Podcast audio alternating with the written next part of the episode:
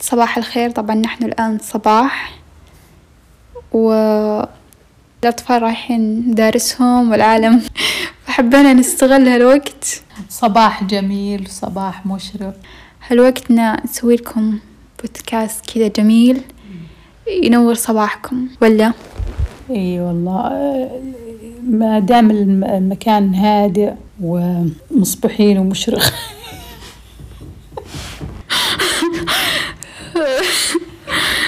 طلال خارجة عن النص. لا ادور الكلمة. كملتي. إيه.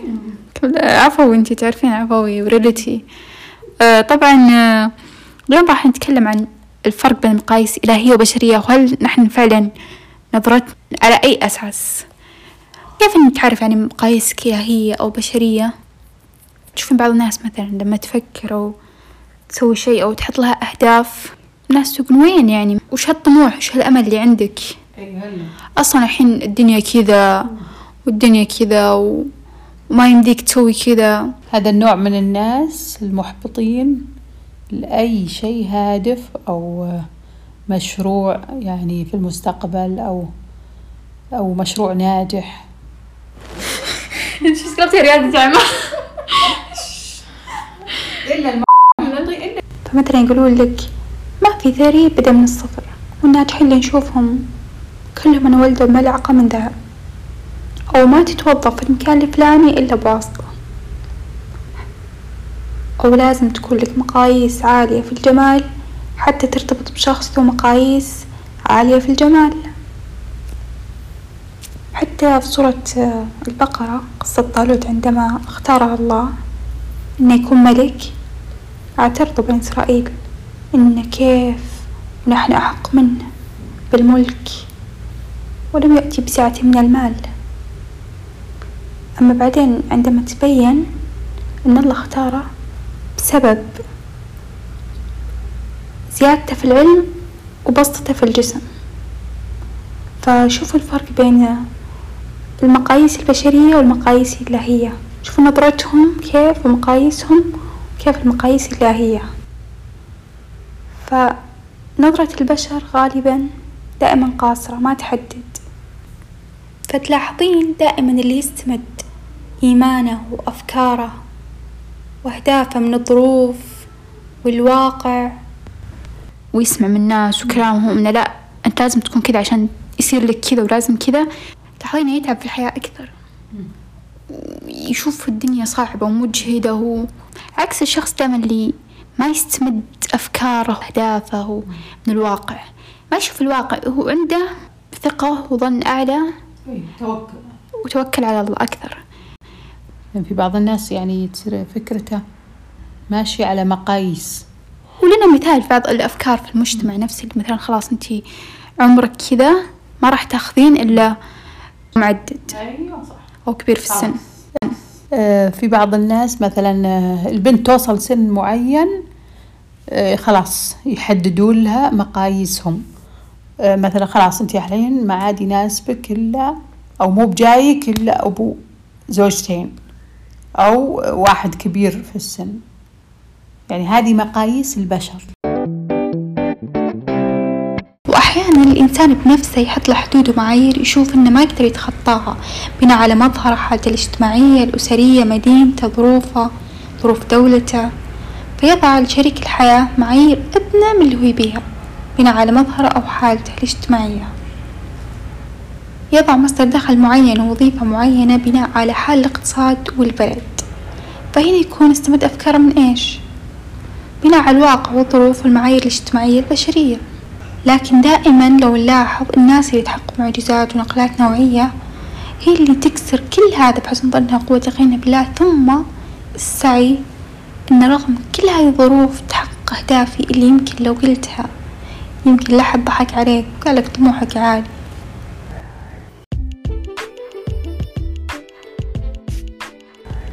فإن حابين نكسر اليوم المقاييس هذه المعروفة مغلوطة فعندنا قصة اليوم ناسبة هالشي المقاييس البشرية آه، وكيف حسن الظن بالله والتوكل عليه.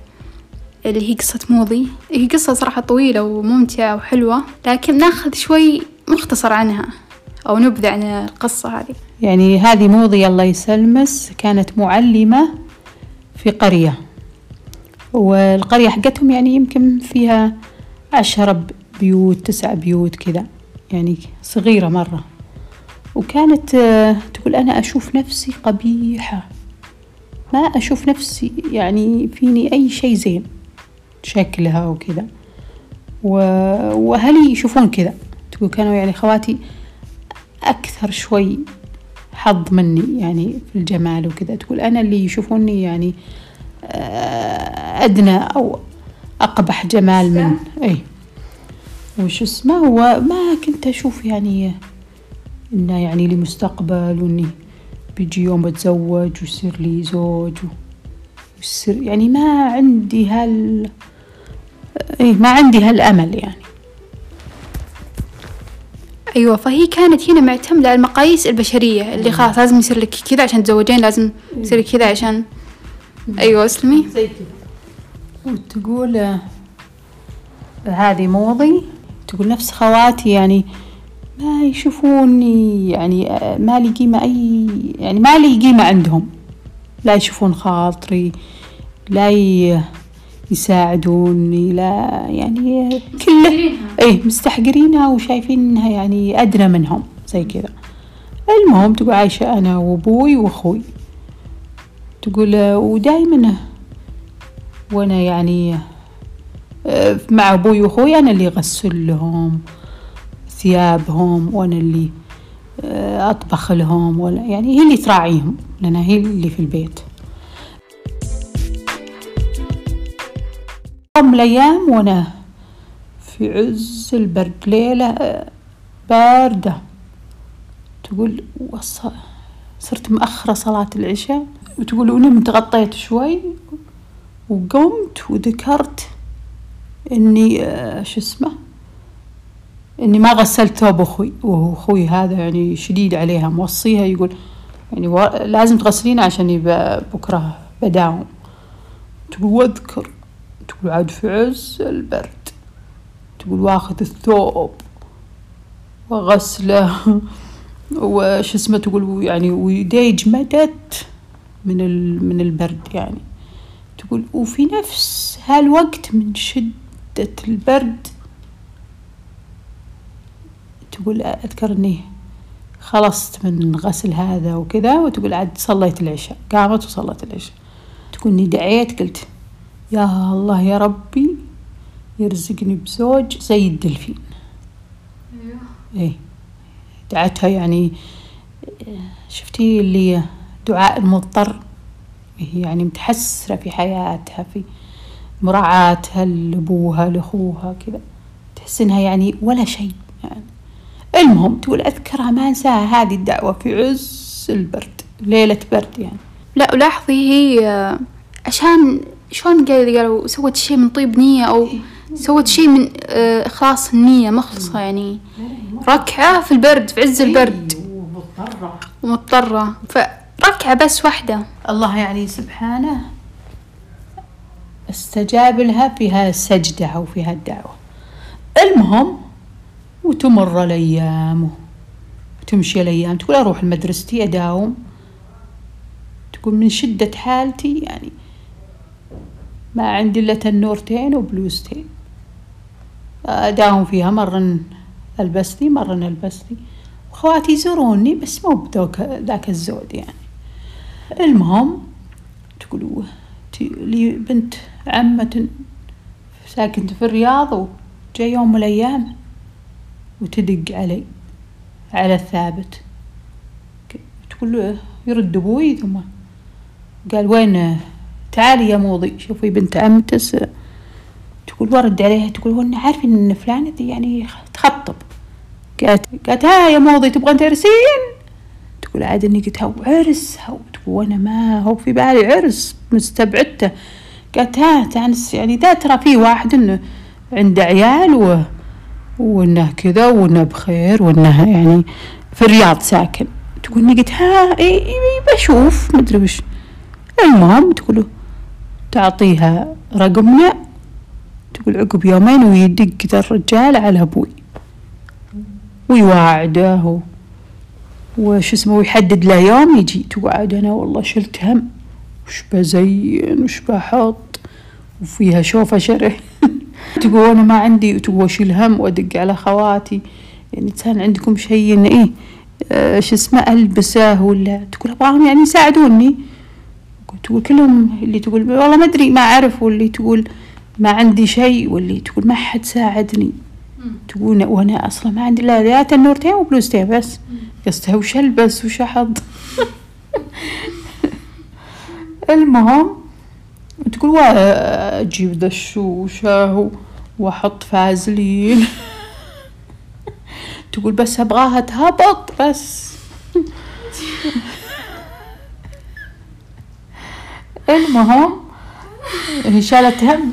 تخيلين ولا إله إلا الله وشايلة هم. شلون بطلع الرجال اللي بيجي؟ وش السوات وقعدت الليلة كاملة وأنا أحط في ذا الشعر و آه، وش شو اسمه؟ وأحط آه، أمشطه وزينه أبغاه يهبط بس. المهم وجا ذاك اليوم وزارنا عقب المغرب وأصلح القهوة والشاي كلش جهزته وكنس البيت و... وطلعت. وتقول والله يعني ها تني عجبته. ويجي اليوم شافني ويجي عاد اليوم الثاني قال آه خلاص بجي بزوركم عشان أجيب المهر. وأنا ما صدق كذب. صدق ذا الرجال يعني أعجبته. والله شيء غريب والله ما توقعت يعني. أنا خايفة يعني إنه هو يوافق وهو آه، أعجبه ولا ما أعجبه. المهم لا بعد تقول من يشبه له اي وادخل عليه. تقول سبحان الله الخالق الناطق خالد عبد الرحمن. يعني بنفس شكل. إي الفنان إي خالد عبد الرحمن. ونفس رزته. هو صدق يعني إن هذا يعني هو اللي باخذه يعني هي يعني مستغربة وشلون شلون هذا رضى فيها يعني. تقول ما شاء الله؟ وجا اليوم الثاني؟ قال خلاص بجيب المهر. تقول وأروح وبشوف يعني وش بقضي وش بحط. تقول ذا الخوات ما ساعدوني ولا راحوا. هي دلت هي تروح للسوق وتشري يعني لنفسها المهم تقول أبد أسبوع أو أسبوعين. خلاص جعد هو يوم العرس بياخذها. تقعد وإن قريتنا يعني ما ما في لمبات ولا في شيء ما في إلا لمبة واحدة بس. وش اسمه؟ وحطينا ذاك العشاء اللي تعشى شوي ورحت معه. واركب ذيك السيارة اللي يا سلام ضخمة. وسيارة يعني ما قد شفتها أصلا. وش اسمه؟ ونمشي لنا حول ساعة. شوي ولا نقبل؟ تطلع علينا الرياض. لمبات وشوارع وسيعة أول مرة أشوف ذا الرياض. وش اسمه؟ وهو يعني تقول كله يعني يسولف معي ها يا موضي شفت الرياض؟ شفتي كذا؟ تقول يعني زي اللي منبهرة وش؟ إن الرياض حلوة. يعني قصة مو قريتي اللي ما فيها إلا لمبة واحدة. المهم تقولوا نقبل على ذيك البيوت. ثلاثة بيوت جنب بعض ولها بوابات. وينفتح تنفتح ذيك البوابة وندخل بالسيارة. على البيت. توقف السيارة ونفس هذا زوجي يقول ها يا موضي يلا انزلي. وانزلوا. دخلني على واحدة من البيوت. وتقابلني واحدة حاطة كريه تقول أجي ناظرتها قلت أجل هذه أخته. وهلا رحبي وهلا وسهلا والله يحييكم وحاطة الحلا والقهاوي وتستقبلنا. تقول أنا في بالي إنها أخته. تقول شلت هم؟ يعني آه، أخته يعني بهالشكل وهالترتيب وهالأناقة لابسة قصير. وش اسمه؟ تقول آخر شيء قال هذه ترى الوالدة. تقول طقتني الروح. تقول إحنا هذه الأم أجل قصدها أجل يعني إذا صارت هذه الأم أجل أنا وشو؟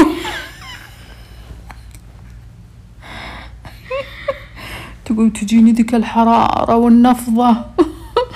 تقول كل هذا يعني شلت هم؟ يعني شلون وشلون بواجه ذا يعني إذا صارت الأم كذا؟ وش وش وش بعيش الحياة يعني؟ تقول هو شو اسمه؟ وقال لي خلاص تعالي بس سلمي على عيالي. ولين ده خلاص أنت عاد لس ارقي فوق يعني جناحس فوق وعيالي آه، تحت مع الشغالات وكذا. وارقى فوق وعلى طول أحط أفرش السجادة. واقعد أصلي. كل هذا يعني إني شلت هم خلاص ما عاد ما أدري شلون بواجه حياتهم. يقول تقول وراك وراك تقول عاد وهو يحتري. تقول وهو يلبس ذاك ال- الروب اللي يلمع وذا الشعر المسفسف وذا العطر اللي يا سلام. تقول ما قد شميت هالعطر في حياتي. تقول شيء شيء يعني آه، إيش؟ شيء يعني ما قد شفته. وهو يعني يحتري ها يا موضي خلصتي من الصلاة؟ تقول وأنا سأكت الله أكبر الله أكبر. لا هي من زنقة. هي قاعد تصلي. ما ما درت شو تسوي. تصلي. حسيت. هي مسكينة تأزمت. هي تأزمت مع نفسها هي يعني حاطة نفسها يعني شو اسمه؟ صفر عشر إي يعني وشافت يعني ناس على قولتهم توب. هي حست شلون بتواجه ال... تقول نفس هذا زوجي إنه يقول ها يا ها يا موضي خلصتي تقول إنه يقول وش ذي تراويح ذي؟ مو